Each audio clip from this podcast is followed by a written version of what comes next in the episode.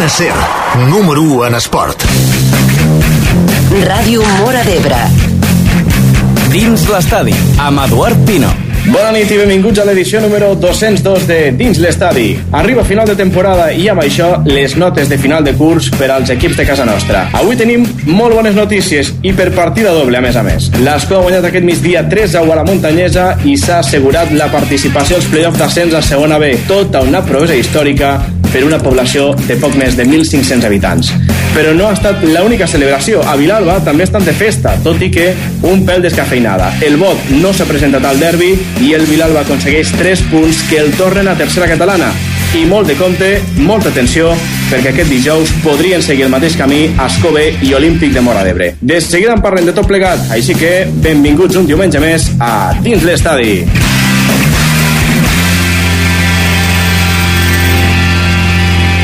Si et diguessin que pots escoltar el millor programa radiofònic esportiu de les Terres de l'Ebre amb resultats, resultats, classificacions, classificacions, entrevistes, entrevistes, jugadors, jugadors, t'ho perdries? T'ho perdries? No, home, no! Que, que, que no!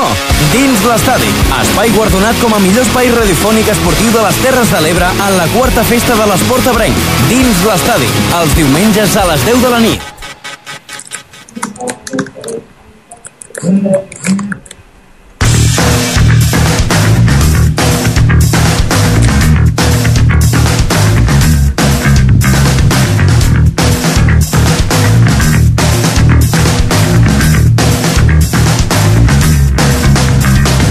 Les 10 i 50 minuts ara mateix d'aquest eh, diumenge dia 26 d'abril. Eh, comencem ara mateix dins l'estadi una edició una mica especial, ja que l'Edu estarà amb nosaltres d'aquella manera, lo tindrem a través de Skype. Però tot i això, una miqueteta tard, i comencem eh, l'edició d'avui. Eh, això sí, tenim aquí a Sergi Collvinent. Sergi, molt bona nit. Hola, Javi, què tal? Com ho portem? Bueno, ho portem... No, sé ni si ho portem, però bueno, aquí estem. Anem a saludar a l'Edu, que el sentim de fons com està escrivint. Edu, bona nit. Aquí estic, escrivint una miqueta al meu piset. Sí, què tal? Bona nit a tots dos. Bona nit, Edu. Te sentia una mica lluny, això sí. Una miqueta Bueno, és lluny. normal, sí. és normal. Està a Barcelona. Dos és quilòmetres normal, de distància, però bé, tot a punt per a començar a explicar-vos tot el que ha passat aquest cap de setmana, que no és poc, eh? Molt bones notícies les que tenim per a, per a contar-vos. Molt bé, Edu. Pues, eh, llavors, eh, si us pareix bé, anem a, eh, anem a començar una pregunta de la jornada, la pregunta que tenim eh, cada setmana, que la repassaràs tu mateix, si et sembla bé, Edu. Cadena Ser. Ràdio Mora d'Ebre. Dins l'estadi, la pregunta de la jornada a dins l'estadi.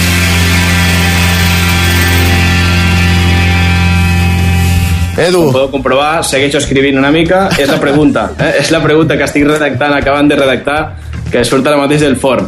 Pregunta de la jornada d'aquest diumenge a dins l'estadi. El Futbol Club Ascó s'ha classificat per al playoff d'ascens a segona B i el Vilalba ha assolit l'ascens a tercera catalana. Doncs bé, és una mica pregunta així oberta, eh? és a dir, volem rebre les felicitacions per part dels oients, per part dels seguidors del futbol ebrenc, doncs com valoren aquest, eh, aquesta classificació de l'Escó i també aquest ascens directe ja matemàtic del Vilalba, que ha estat una mica accidentat, una mica estrany, però que després ho explicarem.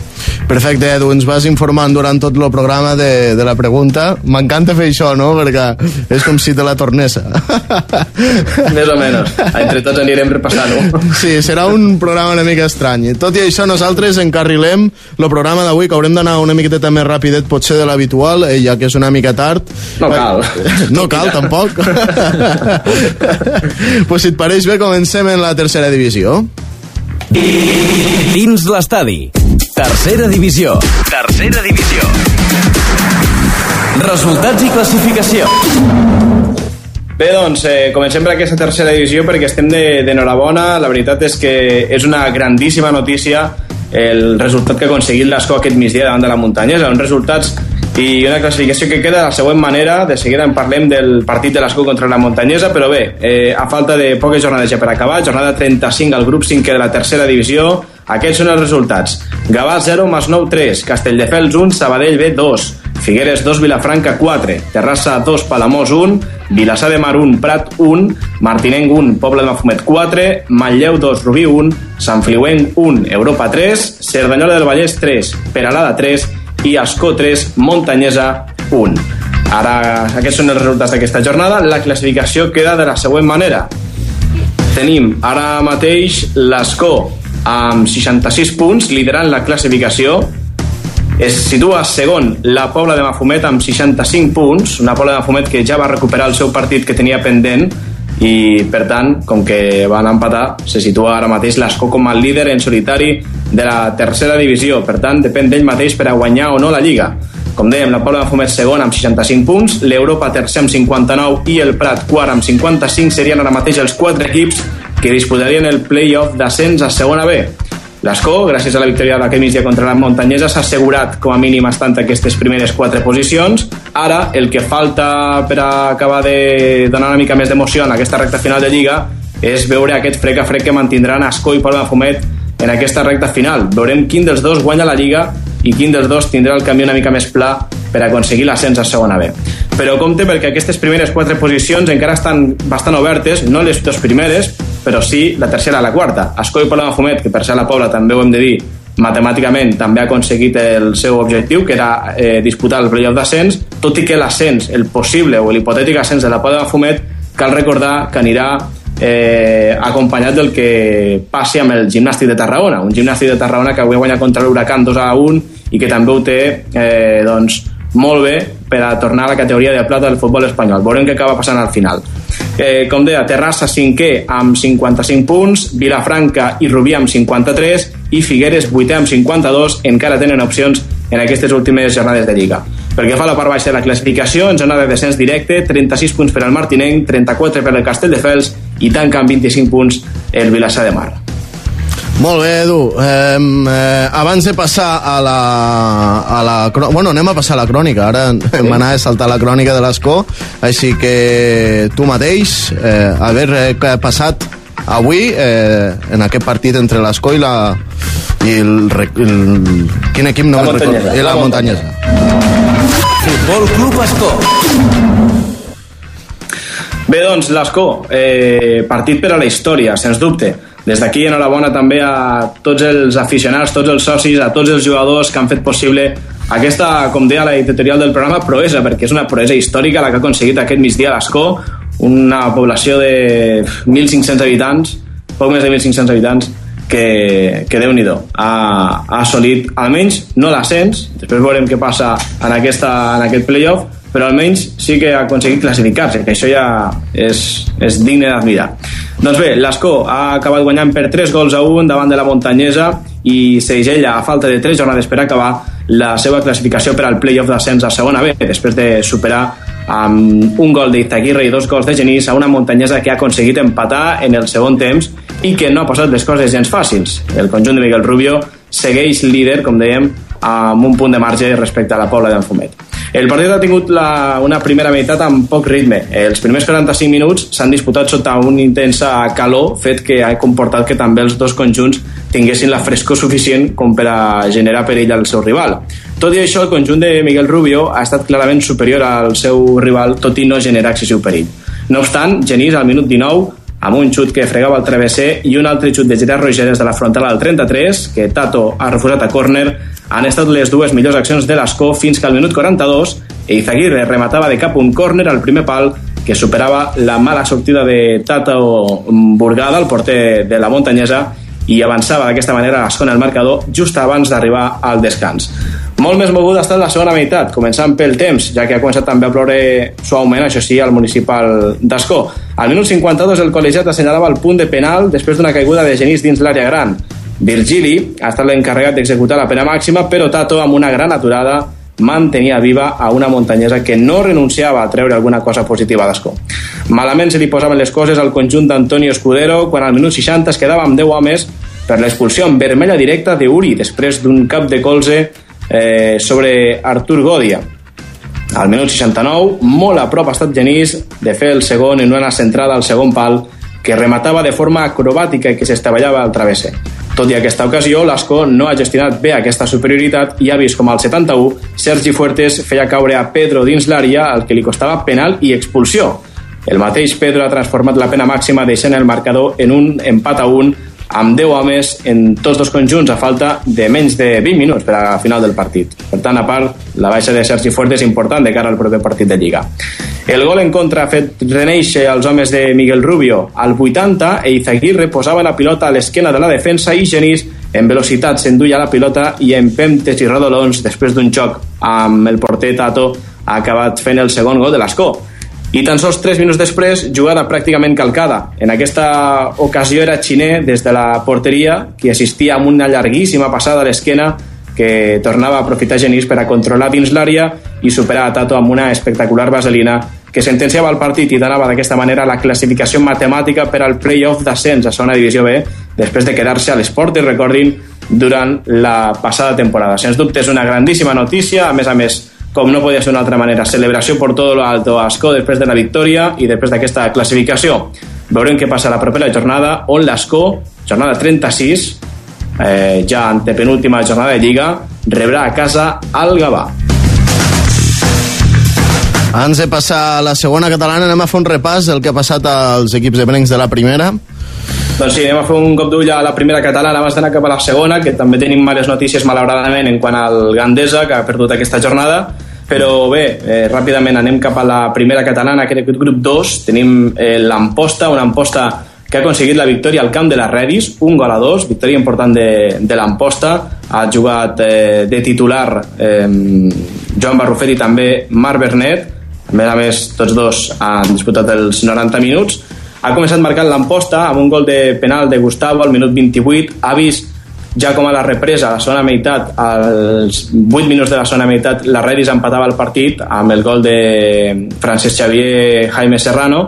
Però al minut 68 el gol de David Callarissa ha ficat el 1 a 2 definitiu que comportava aquesta victòria important per a, per a l'Amposta al camp de la Redis per un gol a dos. I d'altra banda tenim a la Rapitenca, que no ha tingut tanta sort. La Rapitenca ha perdut aquesta jornada al camp del Balaguer, 3 a 0 aquesta tarda, amb els gols eh, de Marc Sánchez al, 20, al minut 28, d'Adrián al 39 i ja al descompte amb aquest 3-0 d'Albert Jiménez que posava doncs, les coses complicades per a la Rapitenca que no ha pogut sumar cap punt aquesta jornada. Ara sí, anem a fer el repàs eh, de la segona catalana. Cadena Ser. Ràdio Mora d'Ebre. Dins l'estadi. Dins l'estadi. Segona catalana. Resultats i classificació. Bé, doncs ens generem cap a la segona catalana. Una segona catalana on, com dèiem, les coses no han anat tan bé en aquest cas per al, per al Gandesa, però bé, eh, la veritat és que la temporada que ha fet ha estat espectacular i ara doncs, faltava veure el que comentàvem la setmana passada, no? a veure si és capaç almenys d'aconseguir aquesta tercera posició que més o menys la tenia, la tenia bastant favorable, però bueno, la cosa suposo que ara no deu estar tan bé, no, Javi?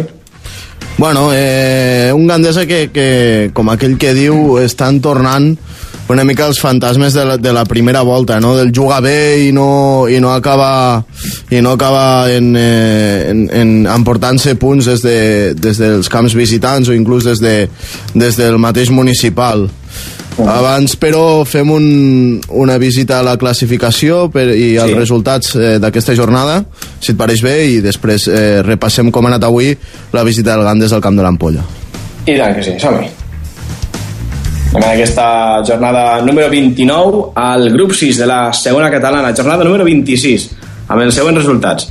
Del Tebre 2 al Gana 4, Jesús Catalònia 1, Vilaseca 3, Tancat 2, la Cava 5, Camarles 1, Roda de Barà 4, Ampolla 3, Gandesa 1, tal com comentàvem ara, la Canonja 3, Camp Clar 0, Cambrils 1, Valls 2, Jesús i Maria 3, Sant Pere i Sant Pau 0 i Remolins Vitem 3, Tortosa 2.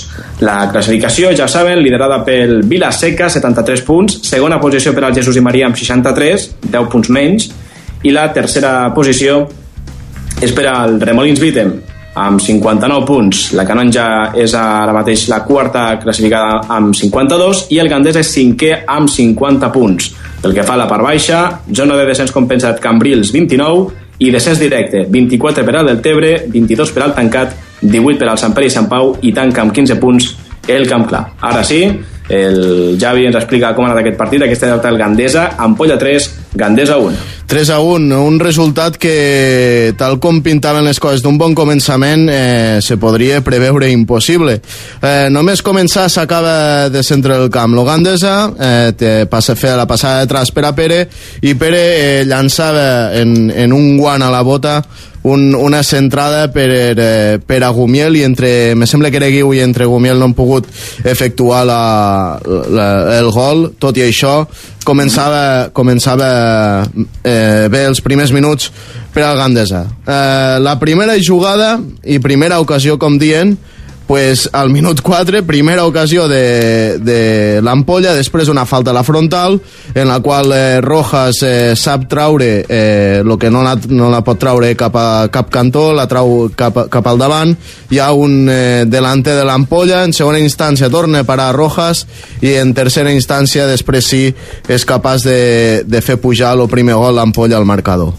Eh, tot just eh, quan portaven uns 20 minuts del partit, eh, un, una jugada d'Illa que encarava sol eh, des de l'extrem entrant a l'àrea i justet eh, se sentia d'una forma descomunal una patada al, al turmell i hi havia un penal claríssim que l'àrbit que l'àrbit en, aquest, eh, en aquesta ocasió no ha sapigut xiular. A partir d'aquí, complicacions per al Gandesa després d'un de, arbitratge força, força dolent, un arbitratge on a l'ampolla se li, se li deixa de fer de tot, eh, estem parlant de saltar amb els braços desplegats, eh, colzades, eh, trompades vàries, eh, no eren castigades per cap, eh, per cap amonestació, ni inclús moltes vegades ni, ni espitada falta, però tot i això el Gandesa intentava, intentava igualar el marcador amb ocasions que recordem ara mateix pues, de Dilla, eh, també ocasions de Pol que han fet un partit magnífic. Al descans anava en lo, en lo 1 a 0, i tot just a la segona part, quan l'Ogandesa estava més ben plantat al camp, quan eh, inclús després de, del canvi de Guiu per Roger eh, li donava més, eh, més arribada encara al Gandesa, eh, recordem una jugada de Roger que no s'ha pogut, eh, no s'ha pogut materialitzar l'1 contra 1 i justet després arriba el segon de l'Ampolla en la segona arribada a l'àrea de, de l'Ampolla.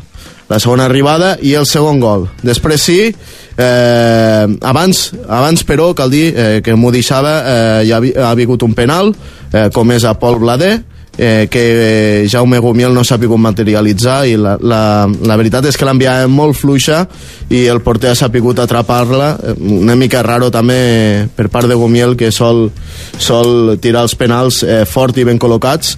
Un, una mica raro. Eh, com diem després del penal el, el 2 a 0 i ràpidament Gumiel, el mateix que, que no ha pogut materialitzar el penal, aprofitava un refús de l'ampolla per a xutar des de fora de l'àrea i enviar-la a dintre de, de la xarxa. A partir d'aquí l'Ampolla ha, ha intentat matar el partit de, de, de totes les formes possibles, jugadors al terra constantment, les pilotes tardaven molt a, a, a, a, a arribar al camp, eh, lo típic pilota fora i on estan i on les passem i tal i que qual, molt temps perdut, eh, tot i això el Gandesa ho intentava, ho intentava, ho intentava, i al min, i a últims minuts, quan potser portàvem ja un minut eh, d'afegit, eh, quan Gandesa es trobava a l'atac, eh, l'ampolla ha marcat el tercer, fent impossible fent impossible prendre cap punt els terraltins del camp de l'ampolla. Tot i això, molt bona imatge que ha donat l'Ogandesa una vegada més. Eh, com diem, pareix que tornen una mica els fantasmes de la primera volta eh, fent bons partits, eh, lo típic que es comenta no? després quan, quan acaba de xiular l'àrbit i es fa la, la, tertúlia, la tertúlia de postpartit eh, que se juga bé s'ataque eh, s'està demostrant bon joc s'està demostrant que, que, ets un, que ets un dels grans equips de la categoria però no es veu materialitzat al marcador i això pues, a la llarga ho acabes eh, patint en, en punts que no, que no viatgem cap a la Terra Alta. Tot i això, la setmana que ve esperem al municipal esgarrapar tres punts eh, que, do, que, que donaran confiança per a seguir en aquesta segona volta i, i, i agarrar-te una vegada més a, a les posicions de davant, a les tres, quatre posicions que abans comentàvem un partit que es jugarà contra el Camarles, que també és una mica partit trampa, ja que el Camarles necessita eh, estos punts com la vida mateixa. I tant, un Camarles que està en una situació molt complicada i que sens dubte intentarà aconseguir aquests punts que li serveixin també per a, per a sortir de la mm. zona complicada i compromesa de la classificació. Un Camarles, no? que avui... Camarles és 13 amb 30. Sí, un Camarles que avui ha patit un, una, una derrota contra el Roda de Barà, un Roda de Barà també que està pujant fort, ara pareix que tots s'animen a la festa també, mm. eh, i, i si no recordo malament ha, patit, eh, ha perdut una 4 i vindrà Dolgut, vindrà al municipal Dolgut en, en, en busca de punts que els que l'ajuden a, a traure el cap una mica de l'aigua. I tant, perfecte. Bé, doncs, eh, finiquitem ja la segona catalana. Nosaltres anem ràpidament a la publicitat quan són ara mateix les 11 i 10 minuts mm. i estan escoltant Aquí a Mora també. l'estadi. Aquí Mora també, no? Aquí Mora també. dic, ostres, a veure si hauré dit l'hora i aquí... No, però després pensant-ho, dic, no, met, de Barcelona a Mora crec que la franja horària és la mateixa. Però, Hòstia, Edu. Però, sí, sí. Ens trobem després de la publi, company. Una hora menys Vinga, a Mora d'Ebre. No marxin, fins ara, escolten, dins l'estadi.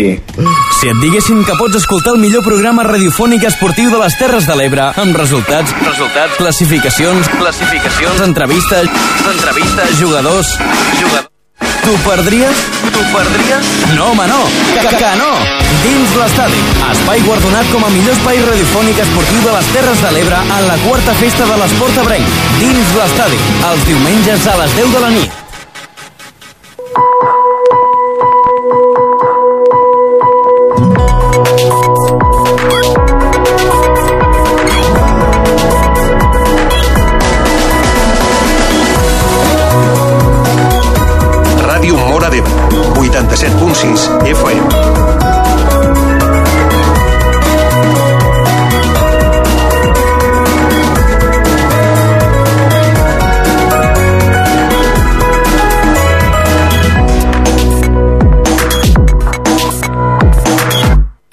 Plaer d'una cervesa.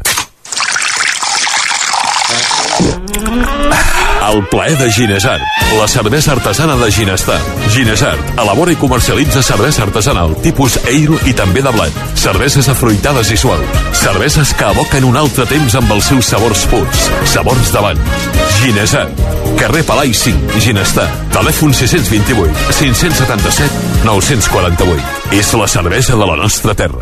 Ginesart. Ràdio Mora d'Ebre, 87.6 FM.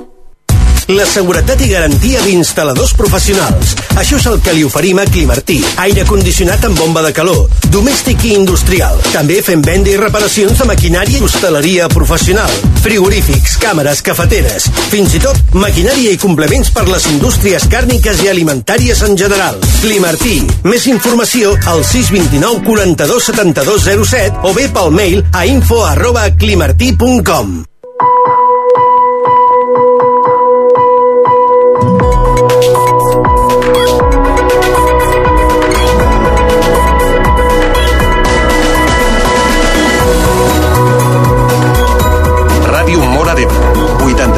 87.6 FM.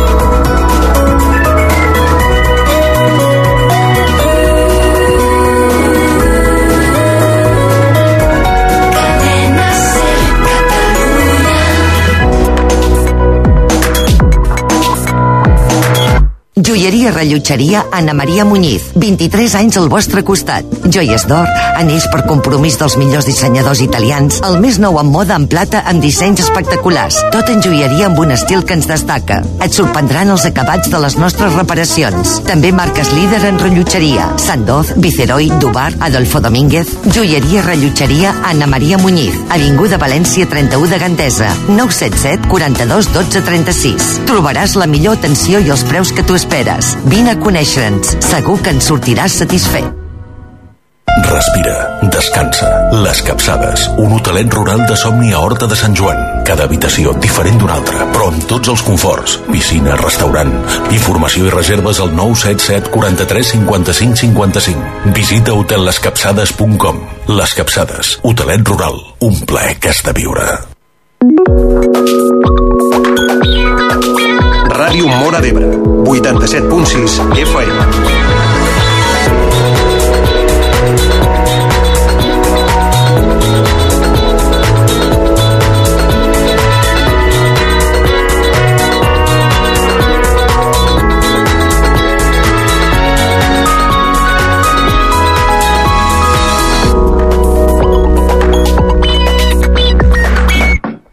Si et diguessin que pots escoltar el millor programa radiofònic esportiu de les Terres de l'Ebre amb resultats, resultats, classificacions, classificacions, entrevistes, entrevistes, jugadors, jugadors, t'ho perdries? T'ho perdries? No, home, no!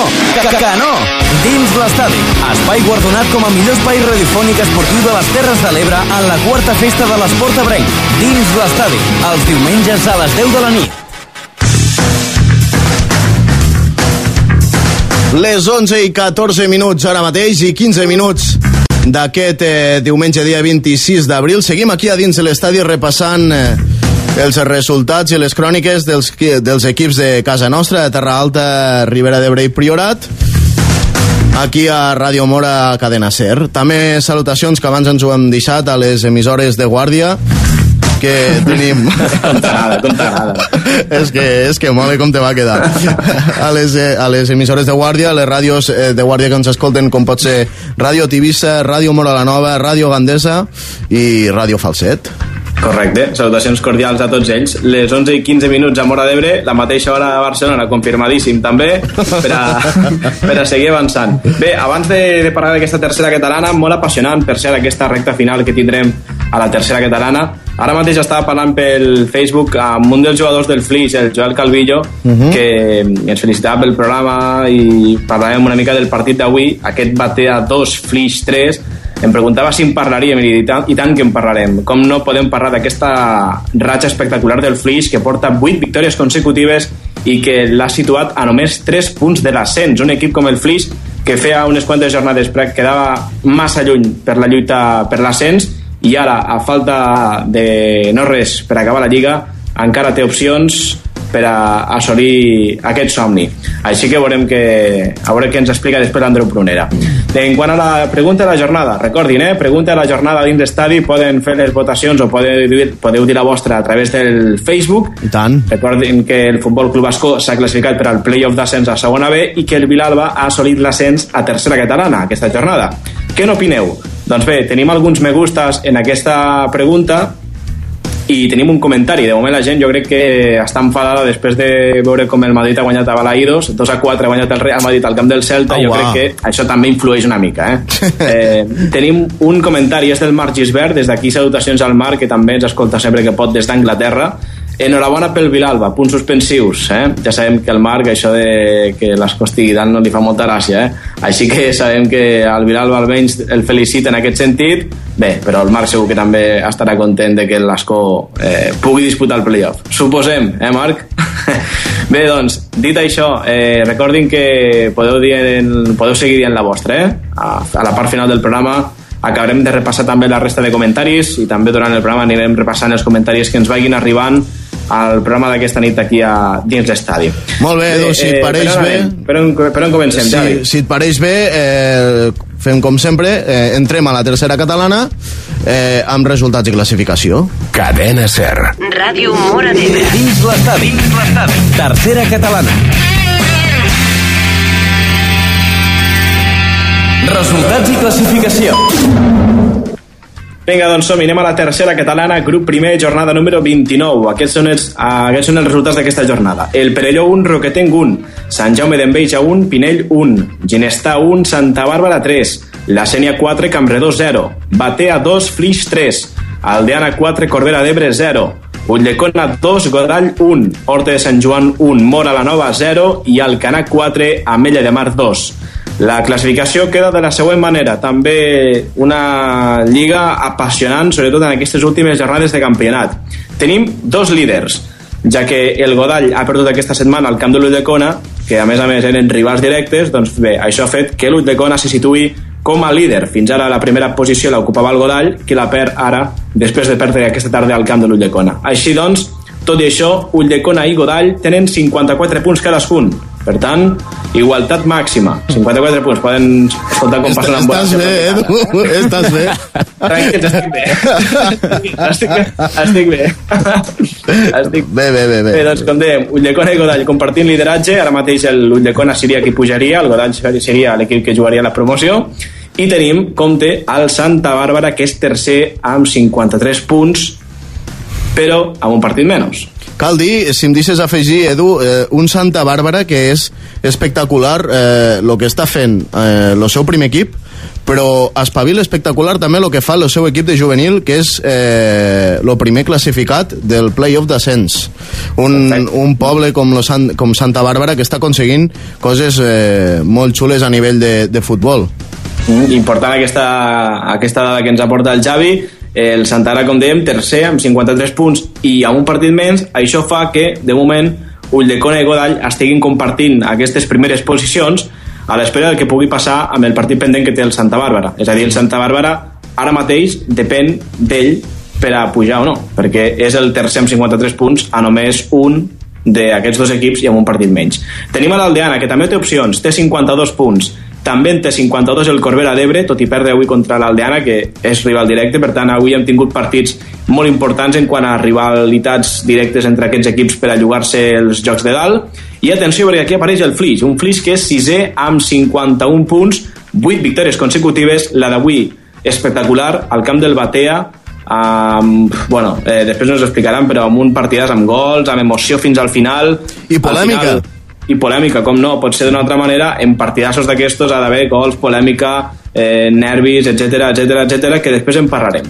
Eh, ara mateix el Flix se situa, com dèiem, 6è amb 51 punts, 48 per al Perelló, 47 per a Roquetenc i Batea, i fins aquí arriba, perquè després ja la Lliga es parteix una mica per la meitat, tenim la Sènia amb 42 punts, Mora la Nova 40 punts, compte el Mora la Nova si des que t'acabem el Flix que porta 8 victòries consecutives, el Nova crec que ja en són 7 sí. les derrotes consecutives que porta mm. perquè aquest cap de setmana ha tornat a perdre, va perdre ahir al camp de l'Horta de Sant Joan per 1 a 0 de totes maneres, en Nova en principi no ha de patir, no ha de tenir problemes, està salvadíssim, però déu nhi a... quin final de Lliga tan dolent, eh? I per altra banda, també bones notícies per un Horta de Sant Joan que intentarà traure també el cap eh, de l'aigua en, en les posicions que està, en la Correcte. qual pot patir la, el descens. Sí. Correcte, és una derrota més per al Moranova, que ja en porta 7, però la victòria és vital per als homes de Robert Cantó, que amb aquests 3 punts eh, s'allunyen una mica de la zona de descens i veurem què passa en aquestes últimes jornades. Tenim, eh, com dèiem, Moranova 40 punts, Campredó 33, Horta de Sant Joan 32, Amella de Mar 31 i entrem en zona de descens compensat. Pinell 30 i amb descens directe Ginestà 26, Alcanave 25 i Sant Jaume d'Enveja Cué amb 11 punts. Eh, hauríem de canviar molt les coses a Ginestà i Alcanà per a que poguessin salvar-se. Queden poques jornades però la veritat és que amb la derrota d'avui del Ginestà contra el Santa Bàrbara en un partit on la veritat és que han lluitat fins al final no els ha servit per a, per a sortir del pou en el que estan ja des de fa mm, algunes jornades. No obstant, de tots aquests partits, partidassos que hem tingut aquesta setmana, en parlem a continuació, així que som -hi. Vinga, comencem per un dels derbis de la jornada. Club Esportiu Horta de Sant Joan. Atlètics de Mora la Nova un horta de Sant Joan, Mora la Nova, que ens en parlarà ara mateix Sergi Collvinent, que ha estat eh, quasi mitja hora de programa ausente. Eh? Sí, sí, sí. bueno, cal, dir, cal dir que avui estem a, als estudis als estudis de Ràdio Mora d'Ebre estan presents el Sergi Collvinent i el Javi Salvador. Uh mhm. -huh. Jo estic a Barcelona fent també una petita part de feina. Després també el Francesc Granell també ha fet alguna, alguna cosa, després ho podreu escoltar. I també el Genís, tot i que no el podeu escoltar, també li he enviat alguna crònica al, al Sergi per a, que, per a ajudar-nos una mica, perquè avui, si us expliqués el dia d'avui, o sigui, si us expliqués el dia d'avui, el fet de començar el programa quasi una hora de retard, bueno, és que no té... Bueno, és lo de menys. és a dir, que és lo de menys. Bueno, però aquí estem, tu. Aquí estem, que és el que compta. Anem a repassar Bé, doncs, què ha passat. Eh, derbi, eh? Horta 1, Mora Nova 0. Sergi. Sí, abans que res, però, eh, sí. raó, Javi té raó, portava mitja hora absent, però clar, el fet de no tenir contacte visual amb el conductor del programa, que avui, no? que avui ho compartiu, però bueno, és, és difícil tallar-te i com que a més ho estàs explicant tot molt bé... Eh... Ja està, paga doble. No, no cal afegir gaire cosa. Eh, D'altra banda, com dèiem, no tenim el Genís, així que avui el Morano el faig jo. Eh, no, es pot, no ens pot dir... Eh... S'ha borrat, jo crec que s'ha borrat perquè ja explicar una, Sí, setena, una, sí. una setena derrota ja no sabia què No dir la setmana dir, passada, imagina't aquesta ja. Però sí que és cert que l'Horta de Sant Joan venia amb moltes ganes després de la derrota estranya de la setmana passada, així que anem a veure què ha passat. Setena derrota, com deies Edu, del Mora Nova, consecutiva, que està en caiguda lliure, segueix en aquesta mala línia. L'Horta de Sant Joan necessitava, d'altra banda, els 3 punts sí o sí, i no fallaria contra un rival en hores baixes. Els homes de Robert Cantó es trobaven amb un Mora Nova conservador, que no era molt expeditiu ofensivament, però sí que aguantava molt bé eh, defensivament. La primera part no tindria molta història i cap dels dos equips mereixia el gol que els posés per davant. Ja a la segona part, el Mora Nova proposava més joc, però era l'Horta qui tenia les ocasions més clares. En una jugada polèmica amb una possible falta Narcís, l'Horta notava, feia l'1-0 al minut 75. El gol feia molt mal als riberencs, que eren conscients de la seva falta de gol i veien difícil la remuntada. Finalment, els locals sabien jugar bé amb el marcador, que un cop acabat als 90 minuts reflectia l'1-0. Amb el resultat, l'Horta agafa aire, mentre que el Mora Nova es segueix quedant en terra de ningú. Merci, Sergi. Eh, doncs bé, com dèiem abans, no? la derrota del Moranova és una més, set Mhm. de consecutives, però la victòria per la derrota de Sant Joan és fonamental per a seguir lluitant en aquestes últimes jornades de campionat per a aconseguir la permanència. Eh? Exactament. Mm -hmm. Bé, doncs ara és moment de parlar d'un altre dels derbis d'aquesta jornada. I tant, un dels derbis eh, també en polèmica, en, eh, en molts de gols. Al final, batea dos flix 3. Anem a escoltar ara mateix la crònica que ens aporta, ens aporta Andreu Poronera. Club de Futbol Batea. Joventut Esportiva Flix. Bona nit. Avui tres punts importantíssims pel Flix. 2 a 3, victòria davant el Batea. En un partit podríem dir que era gairebé a vida o mort. El Flix era sisè, estava a 4 punts del segon, que és el Corbera, i el, i el Batea estava just després, setè, a un punt més. El partit bé, han sortit els dos, dos equips a jugar, dos equips que eh, toquen la pilota, que jo crec que han fet una bona temporada, els dos que van a jugar sobretot. I bé, han sortit els dos amb el seu plantejament, una mica de dubtes al principi, i a poc a poc han anat passant els minuts i crec que qui estava més còmode davant de tenir la pilota als peus eh, era el Flix, anava controlant, anava controlant, però sense incomodar gens la porteria contrària, així que bé, poc, de poca cosa servia, tret de desgastar una mica el contrincant. Però en una jugada també aïllada, pilota llarga a l'Agustí, pilota llarga que li ve de- d'esquena, que es pot dir una jugada incòmoda per qualsevol delanter, però un delanter de la talla de l'Agustí, amb un simple moviment se l'ha acomodat perfectament, l'ha empalmat amb la dreta i ha posat l'1-0 en un golaç de delanter i per això és un dels delanters de referència a la tercera catalana. Un gol que en principi ha fet mal, però que a poc a poc el Flix ha anat superant, ha anat trobant millor el camp ha, anat- ha seguit tocant la pilota sense generar ocasions, però bé, després una centrada a l'esquena de la defensa ha posat l'1-1 porta, remat de cap, 1-1 a la mitja part, quasi, i bé, s'ha arribat al descans. Després, represa, han sortit els dos equips amb dubtes, dos equips amb dubtes, ningú se sabia sentar del camp i el Batea ho ha aprofitat, una pilota també llarga a l'Agustí, falla el porter Jordi, surt en fals i deixa la porteria buida i el Jordi des de la banda, des de fora l'àrea, remata ras eh, amb la porteria buida, entra també gol de mèrit de, de l'Agustí i posa el 2 a 1 al marcador, però just temps de eh, pestanyejar, en jugada següent, també eh, jugada del Flix que acaba amb gol, amb, amb un bon gol que posa el 2 a 2. Després, també, partit travat, amb jugades d'anada i vinguda de cadascú, i al final, eh, l'acció de, de la polèmica ha estat un penal, un penal que, des de la meva opinió, és fora l'àrea, ho he de dir, estava just a la grada, just davant, fora l'àrea. He parlat amb altra gent del Flix, que estava a altres banda de la, grada, de la grada, i també amb la gent del Batea, i alguns m'han dit que sí, i altres m'han dit que, que estava dins, és a dir, no hi ha hagut quòrum en aquesta decisió, Per tant, jo crec que mai sabrem si està dins o està de fora. Hi ha gent molt convençuda que m'ha dit que està dins, però molt, molt, molt convençuda. Jo l'he vist fora, aquí cadascú tindrà la seva opinió, per tant, no hi entro. Tot el penal, i Joan Porta marca el 2 a 3, i després, eh, partit quasi del Batea, ha tingut diverses opinions, ha començat a, a ploure també, partit molt negre, i ha, han fet hasta dos pals, un amb una rematada de l'Agustí ha anat al pal dret de la porteria de Jordi, i després també un xut des de la frontal ha anat al, al travesser. Ha estat així i al final eh, han pitat, ha pitat, punt a part, i bé, eh, el Flix pot estar molt content avui, la victòria d'avui, perquè realment jo crec que ha jugat bé, ha jugat però que les ocasions al final les són rigor de sort, podríem dir, amb el pen i després amb dos pals del Batea que no, no han acabat entrant. En fi, el Batea els despenja, el Flix continua viu en aquesta lluita, diguéssim, per la, per la promoció, i així ha estat un, un equip com el Batea que va ser líder, ara sembla que ja s'acomiada quasi definitivament de la lluita per, per l'ascens, mentre que el Flix fa un pas més i si avui ha estat el seu partit més important de la temporada, la setmana que ve també podrem dir que és el partit més important de la temporada del Flix en aquesta escalada, perquè el Flix ha anat mm, a la inversa, des de la mitja taula, ha anat escalant i ja porta 8 victòries seguides, que es diu aviat.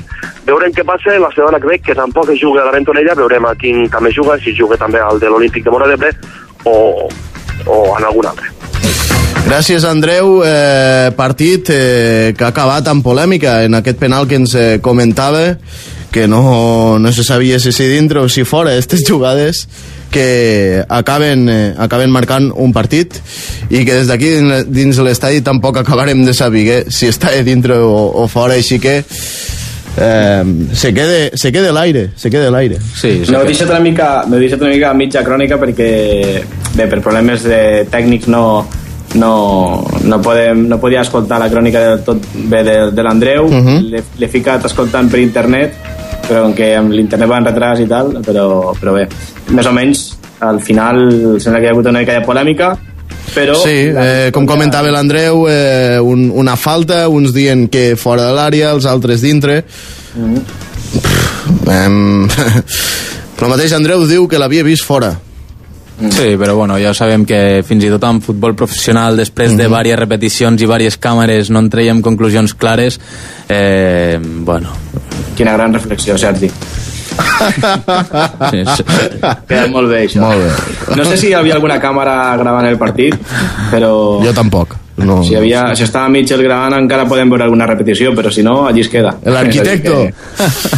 Bueno, pues eh, seguim eh, repassant partits, seguim repassant partits d'aquesta tercera catalana, com pot ser el partit que s'ha jugat avui, eh, que ha jugat avui el Ginesta, Sergi. Club Esportiu Ginestar.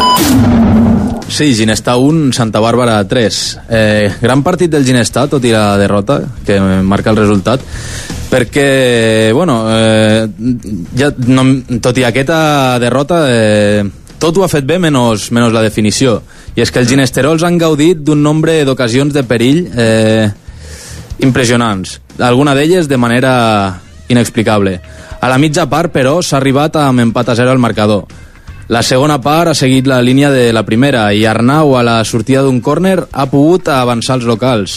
Amb l'1 a 0, un 2 contra 1 davant el porter ha acabat en no res. El Ginestà errava aquesta jugada per a, per a deixar el partit mm, no sentenciat, però més, més a favor. I d'aquest possible 2 a 0, el Santa Bàrbara ha tirat una contra que ha materialitzat de manera excel·lent. Era l'empat a 1. Amb l'empat, altre cop, a l'electrònic, els locals han tornat a errar una ocasió molt similar a la descrita fa un moment.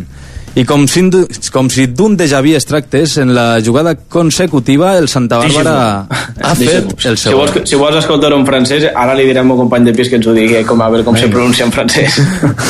Lo controla, lo controla molt, el francès, este noi, no? Mas, massa. Bé, continuem. Era el minut 84 i el Ginestà, eh, quan el Santa Bàrbara ha fet el segon, eh, i al Ginestà li quedava poc temps de reacció. Amb l'equip llençat a per l'empat, els visitants han fet el gol de la sentència, al minut 87.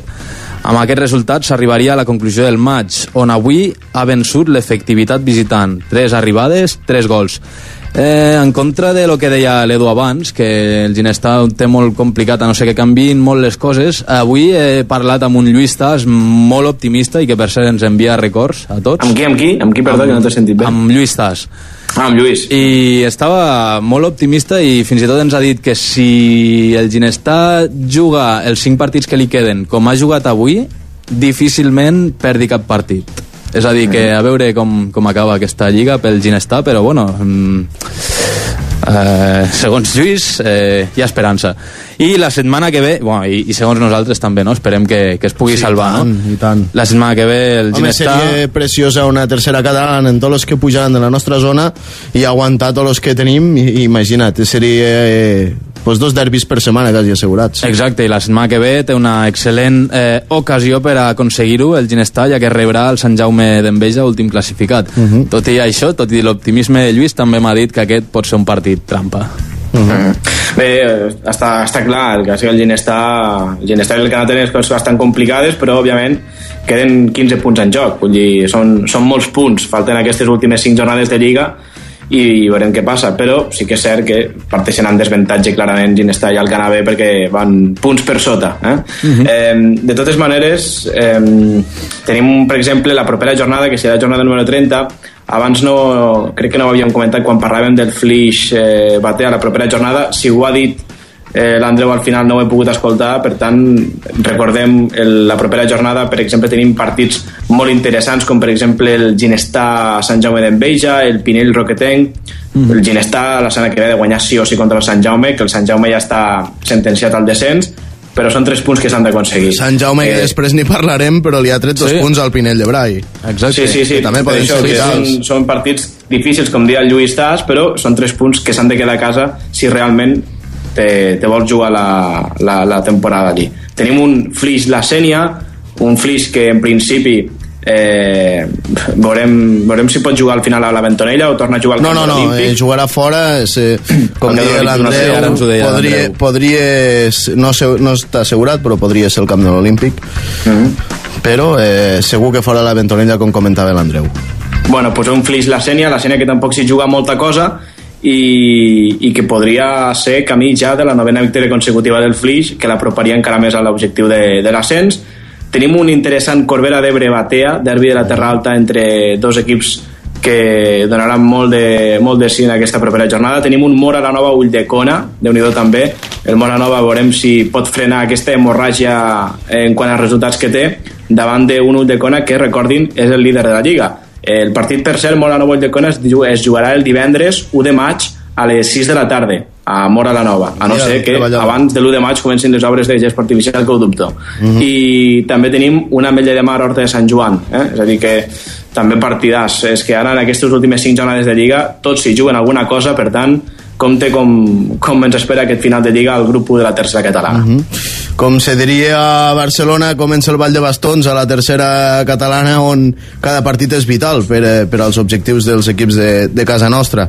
Eh, seguim parlant de, de partits com ara el que anirem a comentar, l'Al- l'Aldeana Corbera, que ens aporta ara mateix Cisco Granell. Club de futbol Corbera d'Ebre.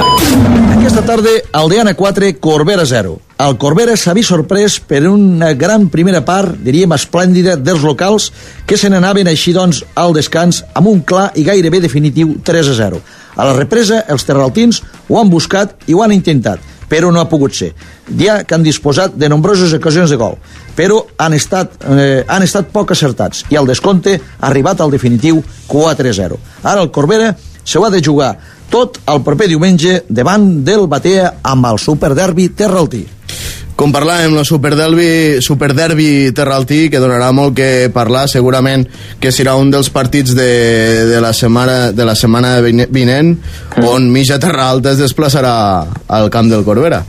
I tant, i tant, serà un partidàs, sens dubte, un Corbera d'Ebre que la derrota d'avui li ha fet mal, per tant intentarà refer-se la propera jornada.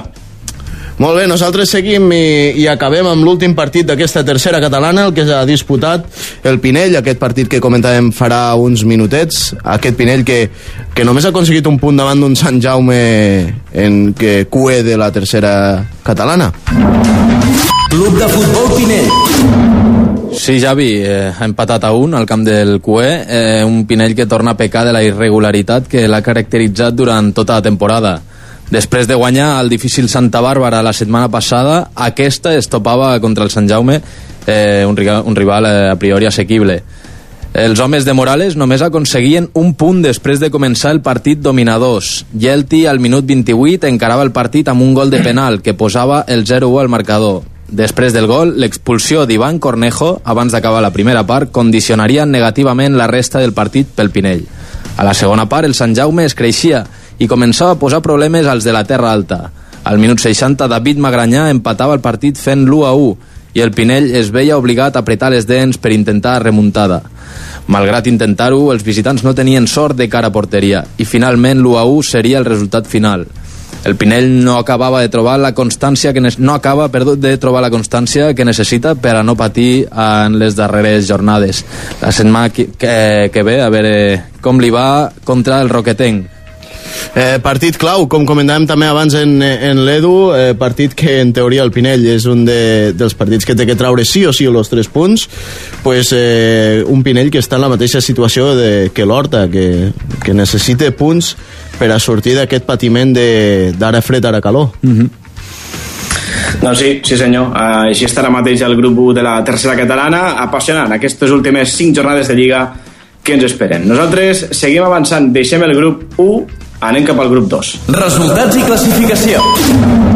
Ha estat la jornada número 29 del grup segon de la tercera catalana. Vilafortuny 0, Escola la Pastoreta 2, Mas Pillesser 1, Salou 1, Sant Pere i Sant Pau B 3, Alhambra de Reus 1, Racing Club de Futbol Bonavista 2, Cambrils United 1, Falset Esportiu 4, Espanya Canonja 1, per tant la visita de l'Aleix Martí la setmana passada, per sort, ha anat bé a l'equip aquesta setmana, eh, Vilaseca 0, Bonavista 4, Salauris Futbol Club 2, Unió Astorga 1 i la Selva del Camp 0, Alcobé 2. Eh, el líder és el Racing Club de Futbol Bonavista amb 65 punts, segon en zona de promoció l'Hospitalet de l'Infant amb 62 i el tercer és el Cambrils United amb 59 punts. El Falset el trobem a la sisena posició amb 44 punts. En zona de descens, Vila Fortuny 24, Salauris Futbol Club amb 19 i tanca amb 18 l'Alhambra de Reus.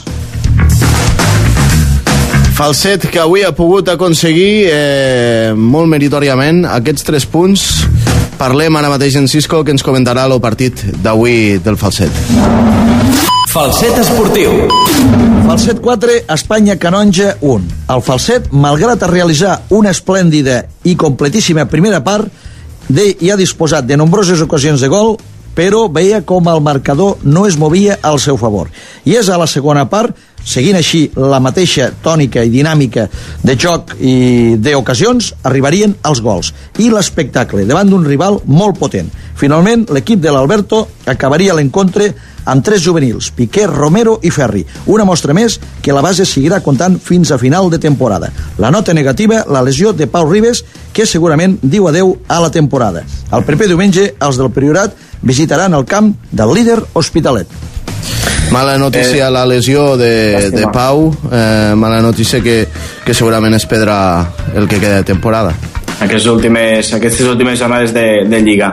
Bé, doncs, com deia el Cisco, han arribat els gols a la segona meitat. N'ha marcat dos l'Aleix Martí, que la setmana passada ens visitava dins l'estadi i que, si us en recordeu, ens preguntava, eh, bueno, eh, fora de micros, eh, em va preguntar eh, a quan estic del Pichichi?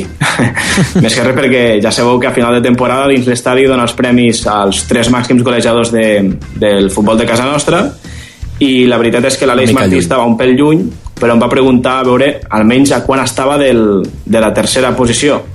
I va ser dir-li animar-lo una mica i aquesta setmana ja n'ha marcat dos. Per tant el tio va per feina i compte que donarà guerra final de temporada. Com dèiem, l'Aleix Martí que n'ha marcat dos, n'ha marcat un altre l'Oriol i un altre l'Antoni David. Així que aquests han estat els gols del Falset Esportiu aquesta tarda contra l'Espanya Canonja. Quants en porta, Edu? 14? 15? Ara mateix l'Aleix, pues no ho sé, ara mateix quan hi porta, però bé, marcant aquests dos, eh, la veritat és que es queda una mica més a prop. La veritat, t'ho dic de seguida perquè ho vam estar comentant... Sembla que 14 o 15, sí. Ara ho vam estar comentant l'altre dia a, amb ell quan ens, va, quan ens va visitar aquí dins l'estadi però mira, ara mateix eh, el Pichichi la setmana passada era l'Agustí amb 29 que ara en porta 30 uh.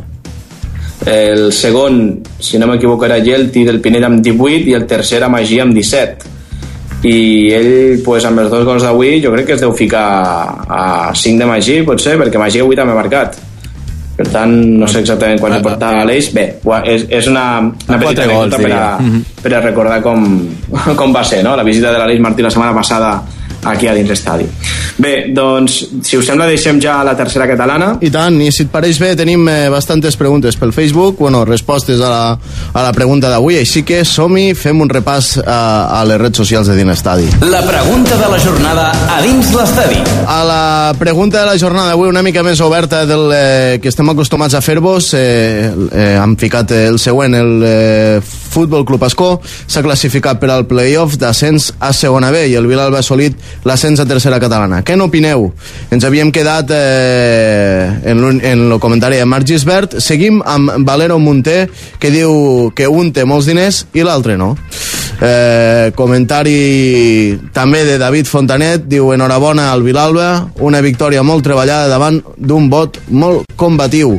Ironia, eh, eh? És ironia, és ironia. Després explicarem una miqueta també com ha, com ha anat això, eh, que trobo que també es té que explicar com ha funcionat tot això, ja que aquí ara veurem eh, un, uns certs comentaris que, claro, eh, per qui no sap com ha, com ha, trans, eh, com ha sigut el tema d'aquest partit aplaçat del Vilalba Bot eh, cal aclarir. I aquí a dins l'estadi pues, també ho farem. Miquel Faixet diu el eh, Futbol Club Ascó ha fet història classificant-se per un playoff d'ascens a segona B. Aquest equip se mereix jugar un playoff eh, ja que està fent una bona temporada. També Miquel Faixet diu seria un fet històric que la temporada que ve estigués a segona B. I Miquel Faget torna a dir no comparteixo l'opinió de Valero, ja que el Vilalba s'ha gastat molts diners. Eh, I l'Oriol Fidel, eh, per acabar, jugador del bot també, eh, gran victòria del Vilalba contra dos jugadors. Crec que hi ha millors maneres de pujar que negant-se a plaçar un partit. Bé, eh, diferents opinions. En quant al Miquel, la veritat és que comparteixo amb ell la, el fet de que seria una cosa històrica més que res perquè disputar un playoff d'ascens, la veritat és que per a l'equip que la temporada passada es va quedar a les portes, després d'una temporada excepcional, a fent història a la Copa Catalunya, jo crec que va ser injust, inclús al final, no? Al final de Lliga va ser inclús injust per a l'Escó. Però aquesta temporada ja ho han aconseguit, el playoff el tenen segur i lo de segona B, doncs, veurem. Eh, veurem, perquè si estàs en disposició de jugar un playoff, compte que l'Escó, si guanya la Lliga, eh, el camí és una mica més fàcil, entre cometes, mm -hmm si quedes eliminat tens la repesca, tens una segona oportunitat, cosa que eh, quedant segon, tercer o quart no tens. Per tant, eh, haurem de veure si al final guanya la Lliga o no.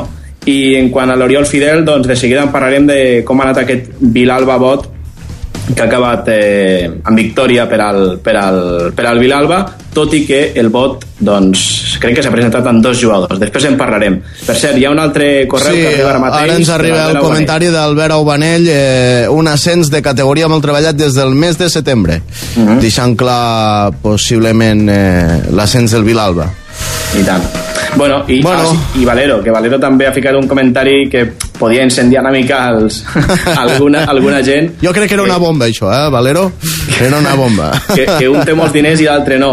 Òbviament, eh, és cert, però també les costa tercera divisió i el Vilalba està a quarta catalana. Mm. Si tinguessin els mateixos diners seria, seria un problema, la veritat. Eh, tot i que són dos equips rics en la seva corresponent categoria. Mm -hmm. Això està clar, no?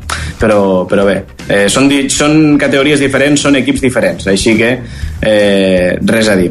Bé, eh, anirem repassant ja després de la quarta catalana, la part final, algun comentari més que pugui arribar. Recordin, eh, avui la pregunta una mica més oberta de lo normal, el Futbol Club Bascó s'ha classificat per al playoff d'ascens a segona B i el Vilalba ha assolit l'ascens a tercera catalana. Què n'opineu de tot plegat?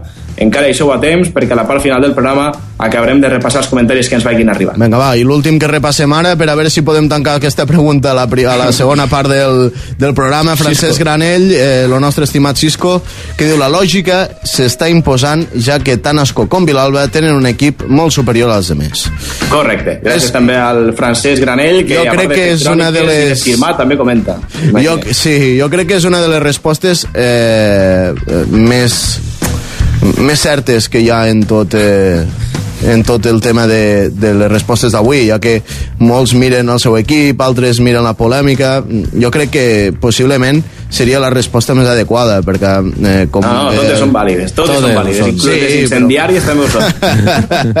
vale, vale, Edu, pues me, me queda clar i sí que passem a la quarta catalana, sempre és bé. Som-hi. Vinga. Cadena Ser. Ràdio Mora d'Ebre. Dins l'estadi. Quarta catalana.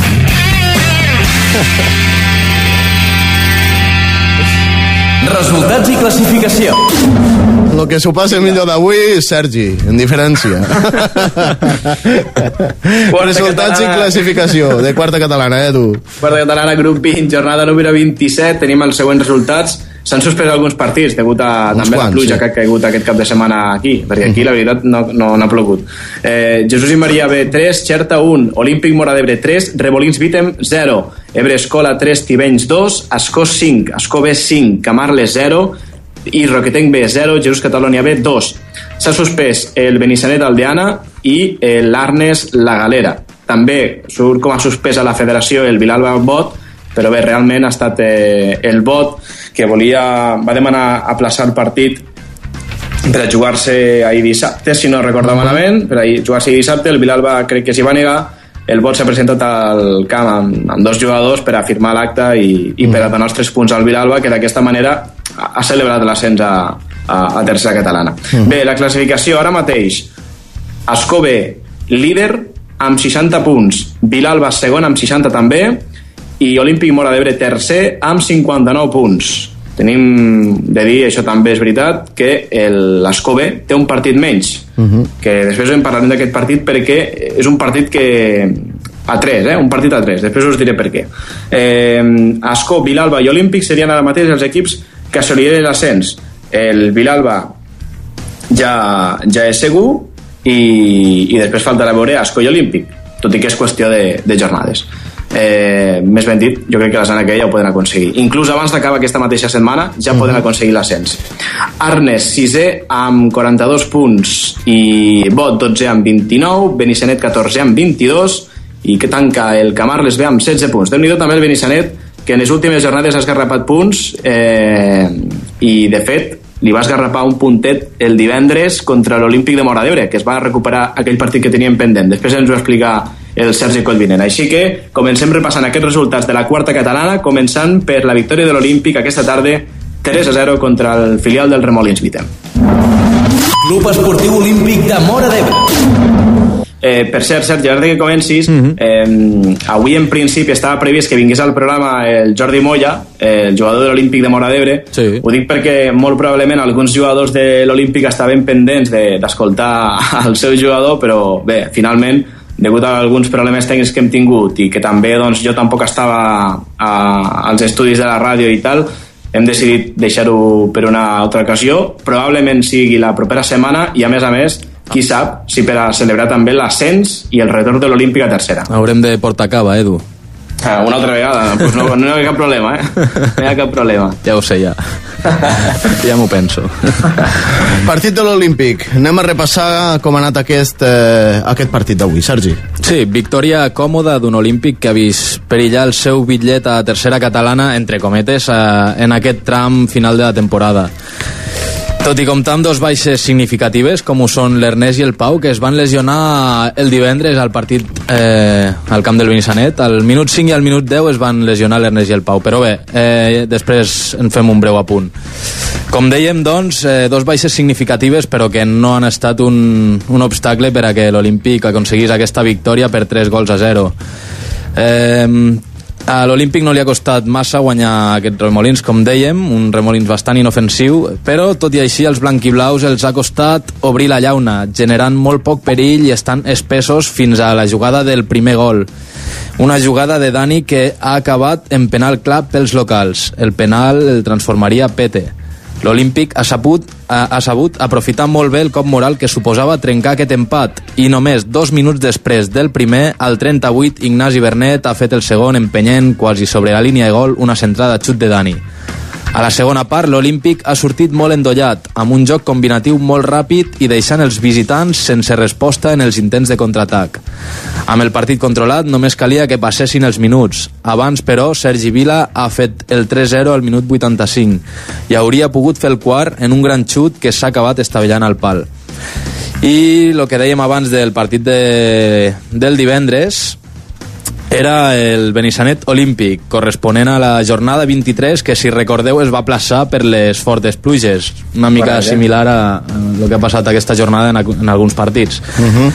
Un partit que acabaria amb sorpresa, empat a dos, i que podia haver estat eh, encara més sorprenent, ja que el Benissanet va sortir molt motivat, ja ens ho havia avisat Pepo feia, fa dues Sí. setmanes, Correcte. Mm. i que va anar al descans amb un 2 a 0 al marcador eh, totalment just eh, i merescut, és a dir que bueno, un Benissanet que com deies Edu um, té una línia ascendent en les últimes jornades mm, dos empats un contra l'Olímpic i l'altre que va ser eh, per remuntada eh, a fora de casa, després una remuntada a casa perdent 0-2 que va acabar amb 3-2, és a dir, bueno Benissanet que ha arreglat les coses no? després del mal gust de boca que li havia deixat aquest tan mal inici de temporada, inici i meitat, no?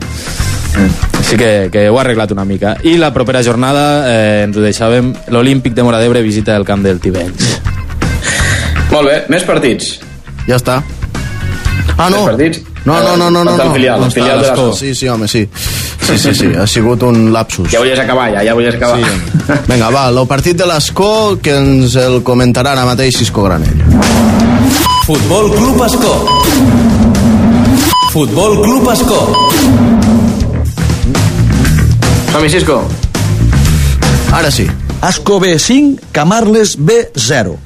L'Escobé realitzant un encontre molt complet, no dona opció a un rival que veu com els de Viudes, amb dos gols a la primera part i tres a la segona, golegen plàcidament i freguen l'ascens matemàtic a la tercera catalana. Un fet que podrà realitzar-se si guanya el proper partit i amb l'encontre que té pendent davant del Jesús i Maria. Ara els riberencs s'enfronten al vot en una victòria ja suposaria l'ascens a tercera catalana. Pues sí, eh, l'Escó que podria aquest dijous, si no recordo malament, Sí, ara ho, ara ho expliquem la situació com, com queda perquè Vale, vale. Eh, han d'estar alguns, alguns equips pendents de com vagi aquest partit. Per cert, eh, l'Escó ha guanyat 5 a 0 amb els gols de Nacho que n'ha marcat, ha marcat el primer i just abans del descans Francisco Méndez feia el 2 a 0. A la represa Adrià Miró feia el 3 a 0 eh, i al des, als últims minuts, al 81, Enric Serra feia el 4-0 i Adrià Miró feia el seu segon gol particular just un minut després, al 82, firmant aquest final 5 a, 5 a 0. Eh, el que deies, Javi, eh, efectivament, hem d'estar molt pendents perquè abans d'acabar aquesta mateixa setmana, Escó B i Olímpic Mora d'Ebre poden aconseguir l'ascens a la tercera catalana i l'Olímpic sense jugar. Així que molta atenció com queda ara mateix la situació. Eh, primer de tot, comentar aquest ascens del Vilalba, el que passa que no podrem explicar. La crònica del partit de l'ascens no la podrem explicar. És una mica estranya, això de no poder explicar com ha, com ha guanyat el Vilalba per a pujar de categoria, però bé, de totes final... formes, eh, també, i llanço així un, un, una pedra al vol per si la vols agarrar, estaria bé també un, un, un programa d'aquests de dins l'estadi eh, dedicar-lo una mica també al tema de, de com funciona això dels partits, de com aplaçar-los, qui té dret a, a aplaçar-los, com, eh, com funciona tot, perquè hi ha molta gent que trobo que ens escolte que no està tan vinculada al futbol com els mateixos equips o jugadors que sí que saben totes aquestes lleis, però i ells mateixos no saben i possiblement ara potser també lo Vilalba pot quedar una mica com, com lo malo de la peli, no? I, i... Pues, pues si vols, Javi, no cal fer un programa especial, t'ho puc explicar jo ara mateix perquè Vinga, va, després, pues. després de... Edu. Després, després de... Vam tenir una situació similar fa unes jornades amb el famós Mora la Nova Godall, o més ben dit Sí. Godall Mora la Nova, que no es va arribar a cap acord i al final es va jugar el dia que al Mora Nova no li anava bé, es va presentar uh, al camp per a firmar l'acte i, i els tres punts també se'n van anar cap a, cap a Godall. Va haver, bastante, va haver bastant ressò en aquell partit i jo crec que la cosa s'ha quedat més o menys igual que a, amb el Vilalba, amb el Vilalba Bot. Bé, eh, quan, quan se suspèn un partit, o més ben dit, quan s'ha de recuperar un partit que, que ha quedat ajornat en el seu dia, eh, el primer que s'ha de fer és eh, els dos equips, en aquest cas Vilalba i Bot, ficar-se d'acord. Eh, ficar-se d'acord. Eh, al final, qui, qui acaba decidint, si no es fiquen d'acord cap dels dos equips, si no troben una data, si el Bot diu de jugar dissabte, el Vilalba diu que no, i el Sí, Vilalba però diu que este jugar cas, diumenge. en este cas és Bot- diferent lo, lo plantejament. En este cas és un partit que no s'ha plaçat, que és de Lliga, i llavors, Ah, de Lliga, de Lliga, de segons, Lliga, sí, sí. segons tinc entès jo, eh, o sigui, cada, Llavors- cada equip té, té els seus partits a casa assignats a un dia i, i l'únic que pot fer és canviar l'hora eh, a l'hora que li donin la gana sense, sense comunicar-ho a l'equip contrari. El que no pot fer és canviar-ho de dia sense comunicar-ho. Llavors, eh, lo que sí que en un d'estos comentaris eh, típics de futbol que tens eh, eh, per estos camps, l'equip de casa mai sol canviar, mai sol canviar l'equi- eh, partit de dia pel simple fet pel simple fet que eh, no, li, va- no li va bé pel tema de taquilles, tema, tema bars, tot això té, té molta més transcendència que no canviar o no canviar un partit, perquè l'equip de casa té que pagar igualment l'arbitratge i, i possiblement no li, no, no li és favorable poder canviar el partit a dissabte quan se té la costum de canviar diumenge. Eh, per altres bandes, eh, te podria dir exemples en el qual eh, l'Ogandesa ho ha patit algun any, eh, si, ara, eh, també ho van comentar el mateix, el, mateix dia amb, amb gent relacionada amb el futbol, si, si algú ens escolta de Gandesa a la Romeria, a la, a la Fontcalda es fan diumenge, i, i sí que, per exemple, Um, L'Ogandesa va demanar al Camarles la setmana vinent, que es fa la, remo, la, la romeria a la Fontcalda, de canviar-ho a dissabte. I Camarles sí que ha cedit, perquè quan vas fora camp, normalment l'equip contrari eh, cedix a canviar de dia, no hi ha problema. Però quan, eh, quan l'equip o sigui, quan l'equip visitant demana a l'equip local de canviar de dia, és molt més complicat, perquè recordem que eh, Tortosa l'any passat eh, no va voler canviar el partit i Gandesa va tenir que jugar en, en diumenge anant-li fatal pel tema de la romeria de, de la Fontcalda. Bé, de, totes maneres, de totes maneres, eh, sí que és cert que jo al principi ara t'estava explicant eh, en cas de- de- d'ajornar el partit, eh? En cas d'ajornar el partit, Sí, al final, és, si no es fiquen d'acord els dos equips, entra la, la federació d'ofici i la federació acaba decidint Mhm. quin dia es juga i en quina hora i tot. De- D'altra banda, el que comentes tu, el que comentes tu de, del, del Vilalba i el Bot, eh, clar, aquí al final que no es pugui canviar és, és molt relatiu, és a dir, si tots dos equips es posen d'acord amb temps, sobretot amb claro, temps, és a dir, sí. no, no el dia abans, el dia abans no, no, no s'hi val, i dos dies abans Però tampoc. Bot, eh, Bot me sembla, si no estic mal, si no estic mal informat, que va comunicar durant, durant la mateixa setmana passada, o sigui, durant, sí, sí. Mm. durant la mateixa llavors és, setmana. que, i- llavors és que es fiquin tots dos equips d'acord, tant Vilava com Bot que es fiquessin d'acord, pel que veig, o bueno, pel que s'ha vist, no es van ficar, no es van ficar d'acord, i, i al final doncs, el Bot no s'ha pogut presentar perquè no disposava de suficients jugadors, suposo, per, a, per al partit jo, d'avui. jo comentava això perquè moltes vegades sí que s'ha vist eh, partits a les 9 de la nit, que tothom s'explica per què a les 9 de la nit? Mm. Pues, a lo millor ha tingut més transcendència a les, a les oficines, com se sol dir. Per què? Perquè l'equip visitant no, no vol canviar de dia, que és l'únic que no pot fer l'equip local, i llavors l'equip local diu, pues, si no vols canviar de dia jugaràs a l'hora que jo voldré que això sí que ho puc fer. I, i aquí estan aquestes jugades i aquestes eh, coses que, per altra banda, de vegades són una mica fees en el món del futbol, no? Cal dir també que eh, jo crec que el Vilalba les seues excuses tindrà per, per eh, fer el que va fer i crec que no crec que no va anar a buscar els tres punts d'aquesta forma, crec jo, crec jo, perquè tampoc, tampoc li venia d'un partit. Bueno, intentarem saber-ho si et sembla aquesta mateixa setmana i la propera ho expliquem a, a la nostra audiència de dins estadi. I tant. I, I bé, pel que em referia a l'altre partit, aquest partit important que, a part de la victòria eh, en aquest sentit del Vilalba, que s'aconseguirà aquests tres punts que li donaran, que li donaran l'ascens de categoria, hem d'estar molt pendents el proper dijous, dia 30 d'abril, perquè a dos quarts de nou de la nit, vuit i mitja, es juga el partit ajornat Jesús i Maria B. Escó B. Eh, si l'Escó aconseguís la victòria, aconseguiria també l'ascens de categoria. Però compte perquè si l'Olímpic haurà d'estar molt pendent perquè en cas de que l'Escó guanyi, l'Olímpic també aconsegueix el, el seu ascens. Així que una victòria d'Escó que també pot ser, entre cometes, una victòria per a l'Olímpic i després tots tres ja s'assegurarien l'ascens. Vilalba, que ja el té assegurat, Escove i Olímpic. Després faltaria veure, en aquestes últimes jornades de Lliga, quin seria l'equip campió de, de la Lliga de quarta catalana. Uh -huh. Així que n'estarem molt pendents. Eh, I i d'altra banda, felicitar des d'aquí al Cristian Barberà, que ens escolta cada diumenge des de Tivenys, i que avui és el seu aniversari. Així que felicitats al Cristian, Oh. que ens va dir que el felicitéssim en directe. Aquí tens la felicitació, Cristian. I, i bueno, a veure, a veure què passa. Em sentiu? Em sentiu Sí, bé no? sí, sí, sí. Ah, vale, vale, vale. vale. Que Estava... us, us havia deixat de sentir. Ara ho entendrà, Ara, ara, ara ho entendrà. Mira, mira, mira.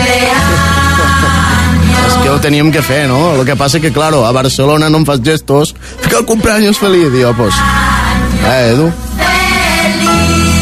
Edu? La, veri- la veritat és que és un gran inconvenient no, no, no veure's les cares perquè a vegades Sí. quan, ens, quan fem el programa la gent això no ho sap però a vegades utilitzem uns signes o uns símbols per a fer Sí. servir eh, per a fer-nos arribar indicacions Una pedrada, de vegades, que també se sent. Sí, que aquí, que aquí doncs d'aquesta manera no, no, no puc fer arribar, no? Però, però bé, com que mos tenim el programa més o menys estudiat de pe a pa, doncs Tant. almenys surt, surt més o menys bé. Mira lo bé Així que surt. Bé. Bueno, felicitem doncs, a Cristian, aquí, va, felicitem a Cristian, moltes felicitats, Felicitats. eh, que en faigos molts més i, i sobretot en la nostra companyia i, i també dir que Olé.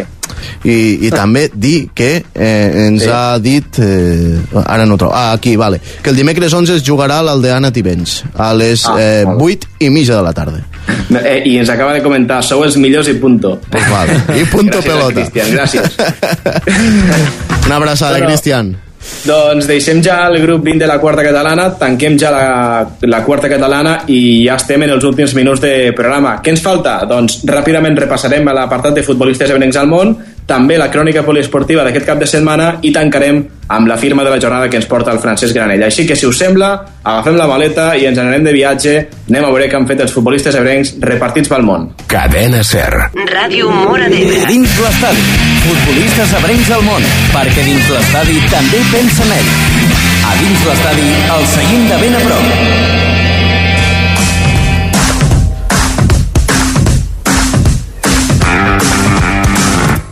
Bé, doncs són ara mateix les com se 12 nota el retard. Edu com se nota el retard Sí, es nota, no? Bueno. se nota una miqueteta una Eh, són les 12 i 5 minuts, estan escoltant dins l'estadi, ja estem acabant. Després també acabem de repassar els comentaris que també ens van arribant.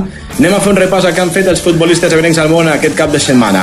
Comencem per la Lliga Espanyola. Eh, L'Ells d'Edu Albacar ha perdut, va jugar ahir al Calderón, Atlètic de Madrid 3, Ells 0. Edu Albacar, però, no va entrar en convocatòria. Anem cap a Anglaterra, Newcastle 2, Swansea 3. Va jugar els 90 minuts, Àngel Rangel. Brighton 0, Watford 2. El Watford, que per cert ja és nou equip de la Premier. Va ser titular Bruno Saltó, però va ser substituït al minut 79. Anem cap a Alemanya, Stuttgart 2, Friburg 2. Va jugar als 90 minuts, el jugador d'Utllecona, Oriol Romeu. Anem cap a Polònia, Pias Glewice 3, Podbetski Vamos. 0. Com, Ole, com? ole. Com, Edu, com? Sí, home. és que no s'ha sentit bé Podbeskizje. molt bé Podbeskizje. Podbeskizje. què està sopant? No, Vale. encara no. Pias Lewiche 3, Podbeskise 0. Gerard, Gerard Badia tornava a l'equip després de la seva petita baixa per, materni, per, per paternitat. ui I- i van- ja m'espantava lo, lo, Ah, jo també, jo també, per maternitat. que ha estat, fet ja, això. Bé, doncs que ha estat pare Gerard Badia, ja ho saben, i estava gaudint d'aquests primers dies de la seva filla. Doncs bé, ha tornat a l'equip i amb victòria, eh? Va jugar eh, els últims minuts, va entrar al minut 68, així que bon, bon debut de nou de Gerard Badia amb victòria per al seu equip. I acabem amb la segona divisió de Bèlgica. Cas Eupen 1, Excelsior 0. Víctor Curto va jugar els 90 minuts i a més a més el Tortosí va fer el gol de la victòria al minut 38. Per tant, està triomfant Curto sí. a la segona divisió belga. Eh, I fins aquí, futbolistes ebrencs al món. I anem a la crònica poliesportiva. Arriba la crònica poliesportiva a dins l'estadi. Abans que tot, Edu, que m'he liat, que he fet un... Estava mirant el que ens parlava Cristian pel Facebook i, i, el, partit, i el partit este era del, que ens comentava del 8 de febrer, no? Mira, 8 de febrer. Sí, sí, però no passa res, que ja van guanyar, bueno, que ja van jugar el tema de, de l'Aldeana Tivens. Se nota que estàvem atents. tant, Eh? Sí, sí. Se nota que esteu... No esteu al loro, tio. Vinga, doncs, crònica poliesportiva d'aquest cap de setmana, futbol sala. Hem de parlar de la primera divisió catalana de futbol sala, el grup 6, Mediterrani Cambril 7, Mora d'Ebre 4 i Flix 5, Ribarroja d'Ebre 4 en el derbi d'aquesta jornada al futbol sala. A la segona divisió, grup 6, Capçanes 7, Torredembarra 3 i Cornudella del Montsant 3, Futbol Pax 4. I al grup 7, Tivissa 4, Lligallos 6 i Mora la Nova 9, Amposta 8. I en futbol femení, a la primera divisió, l'Escó ha descansat i a la segona, el Flix ha guanyat 2 a 1 contra el Roquetes. Perdó, ha empatat 2 a 2, perdó, contra el Roquetes. Eh, per cert, la Lliga de Futbol Sala Femení ja s'ha acabat, per tant, eh, fins aquí la Lliga de Futbol Femení. I res més de quant a poliesportiu per aquesta setmana. Pues que ràpid, tu. Sí, ha estat molt ràpid això. Ja he dit que ja, per avisar l'audiència que la cosa anava, anava ràpida. Vinga, que arriba Francesc Granell altre cop. Veig que entra a l'estudi amb el bolígraf a la mà perquè vol firmar, té ganes de firmar el programa d'avui. Vinga. La firma de la jornada amb Francesc Granell. Sorprenentment, la pluja ha jugat una mala passada en una jornada que no ha agafat de sorpresa a ningú que l'Escó assegurés matemàticament la promoció d'ascens a segona B. Un fet històric per un equip de la Ribera d'Ebre que ara tindrà que lluitar fins a final de temporada a la Pobla de Mafumet per a veure qui serà el campió de la tercera divisió. De moment, a gaudir d'aquesta classificació i tot el que vingui després, sigui quin sigui el resultat final, ja serà un premi per un equip que s'ha guanyat a pols un merescut reconeixement. La firma de la jornada amb Francesc Granell. La firma de la jornada d'aquesta setmana de Francesc Granell eh, parlant d'aquestos eh, d'aquestes fites que s'han assolit aquest, eh, aquest eh, cap de setmana com pot ser la, la promoció assegurada de l'Escó i també l'ascens del, del Vilalba. Bones notícies que ens arriben a, a casa nostra males notícies per a l'Edu perquè recordem que el que s'haurà de gastar en plaques enguany eh, no està escrit així que bones i males notícies. Veurem si acaba guanyant la Lliga. Bueno, a veure, a veure si acaba guanyant la Lliga perquè això és una placa més o una placa menys. haurem d'estar molt pendents. I després també haurem d'estar molt pendents del Flix, haurem d'estar molt pendents del Corbera, molt pendents de, de moltes coses, a veure com acaba tot plegat i a veure quantes plaques hem de regalar a final de temporada. molt bé Eh, últim repàs al Facebook, Javi. Pues i tant, a la pregunta avui una miqueta més oberta de l'habitual. Eh, el Futbol Club Ascó s'ha classificat per playoff, com ja sabeu, eh, a l'ascens a segona B, i el Vilalba ha assolit l'ascens a tercera catalana definitivament. Què n'opineu? Pues, eh, més comentaris que ens arriben, com pot ser de José Lorenzo Diego, que diu, tiene mucho mérito lo del Ascó, i també ens comenta, tiene gran valor el Vilalba, ya lo consiguió. Pues sí. Bé, el Villarreal ho va aconseguir en el seu dia, òbviament, potser és, mo òbviament és molt més mediàtic aquesta classificació de, de l'Escó, però òbviament també té molt mèrit la temporada del Vilalba que torna a la tercera catalana. I esperem que no siguin els últims i no siguin les grans notícies aquestes dos. És a dir, esperem d'aquí fins a final de temporada explicar algunes coses més que per als altres equips de, de futbol de casa nostra, que segur que tindran bones notícies per a, per a contar-nos. Nosaltres ho deixem aquí, no sé si voleu afegir alguna cosa més, Sergi, Javi. No. Bueno, jo potser sí. Vinga, Ara ja podem dir que, que si hem acabat aquest programa 202 ja no hi ha res que ens pugui aturar. A veure, la veritat és que el programa avui... Ara trau està coratge, ara, ara trau lo coratge el A company. casta, sí, sí, estareu d'acord. Eh? Estareu, estareu d'acord? Fa una hora i mitja no el traia de cap i ara, i ara li surt. Estarem d'acord en què? No, amb això, no? Que Ah, vale, vale, vale, si hem sí, no. sobreviscut amb això, ara ja podem dir que, que, que sí, que ha sortit bé, eh? Si una cosa té dins l'estadi, eh, si una cosa té este programa, és que al final... És que com- si no hi com- són Javi i l'Edu no es pot fer. com aquella, com aquella, com aquella jugada, no me'n recordo qui l'ha comentat, si l'Edu o, o tu, espentes i redolons, al final, pues, marquem. Sí, L'Edu. no, ja. Sí. La crònica de les coses, sí, sí. Ostres, Déu-n'hi-do. Eh, què t'anava a dir? Ara no sé què t'anava a dir. Ai, ja m'ho has tonto. del cap. Ah, sí, encara plou aquí o què? No. No, no, Ja no, no? no, no. no. Aquí- ja, ja, aquí ja, dins ho ha no, tret Edu. tota la tarda, no? A la tarda ja, ja ho ha tret tot. Sí, Sí, sí, sí. sí, És, ha sigut eh, espectacular lo- l'aigua que ha arribat a caure en, en una horeta una tronada brutal perquè, perquè nosaltres de fet quan sortíem de, de Gandesa cap a l'Ampolla me l'hem trobat d'anada i quan tornàvem me l'hem trobat de tornada i ha sigut brutal Us heu, saludat, us heu saludat o no? en qui? Us l'heu trobat dues vegades. Una tempesta- dues vegades, per això... que- No, és no que... et sent gaire bé tu, eh, Barcelona, trobo? No, i a part, No, no, com, que, no. com que l'Edu normalment no és de la broma, eh, No, no, no, no. pues mm, ja, ja no els... No els Ja no sabia per on tirar, no? Sí, no, ja no s'ho ha pres com una broma directament. Bueno, ja, ja. bueno, senyors, que ho hem de deixar aquí, que nosaltres hi tornem el proper diumenge a les 10, si tot va bé, aquí a dins l'estadi. Serà el pont, però recordin que hi ha Lliga igualment, Mhm. així que ja ho saben. Proper diumenge, a partir de les 10, més dins l'estadi.